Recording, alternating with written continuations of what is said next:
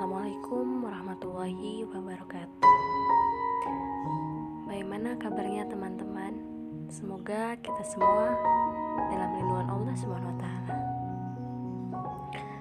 Pastinya dalam hal memilih teman untuk bergaul ataupun sebagai pendamping hidup menjadi satu kewajiban agar kita tidak menyesal di kemudian hari.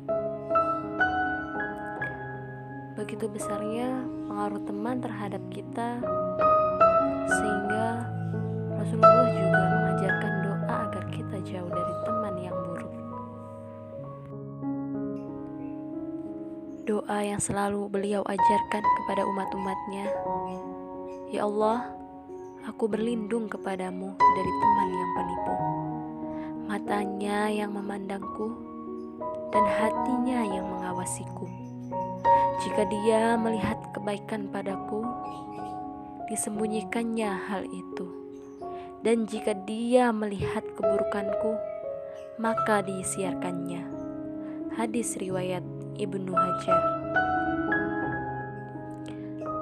Memang kita tidak bisa memungkiri bahwa lingkungan atau teman berpengaruh besar dalam membentuk kebiasaan kita. Kita berada pada lingkungan yang baik dan kondusif, ataupun berteman dengan orang yang baik, maka insya Allah kita akan terbawa menjadi baik. Begitu pula sebaliknya,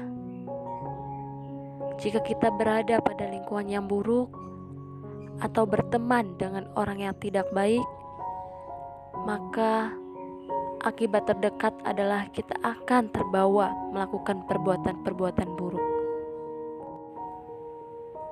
Inilah Rasulullah Shallallahu Alaihi Wasallam mewasiatkan kepada umatnya.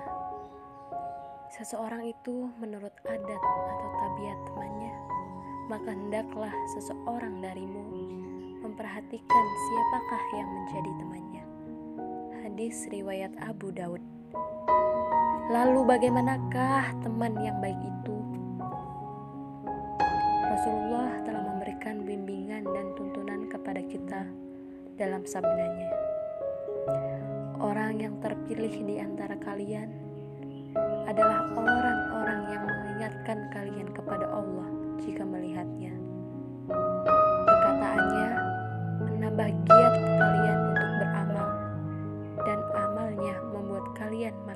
Mencintai akhirat. Hadis riwayat Al-Hakim dari Ibnu Umar. Hadis tersebut memperlihatkan dengan jelas kriteria orang yang wajib menjadi teman kita. Mereka adalah orang yang memiliki akhlak terpuji. Wajahnya memancarkan cahaya keimanan. Sikap dan perilakunya membuat kita semakin mencintai Allah dan akhirat. Dan tutur katanya menyejukkan sehingga kita selalu ingin mengikuti dan meneladaninya. Mereka inilah yang akan menjadi teman sejati kita. Mereka mengingatkan ketika kita lalai, menjadi penerang ketika kita kegelapan, menjadi penghibur ketika kita dalam kesedihan, dan menjadi penuntun ketika kita dalam kebuntuan. Mudah-mudahan kita semua bisa mendapatkan dan menjadikan teman sejati bagi yang lain. Karena dengan pertemanan dan persaudaraan yang dibingkai dengan keimanan dan ketakwaanlah umat Islam akan bangkit kembali. Wassalamualaikum warahmatullahi wabarakatuh.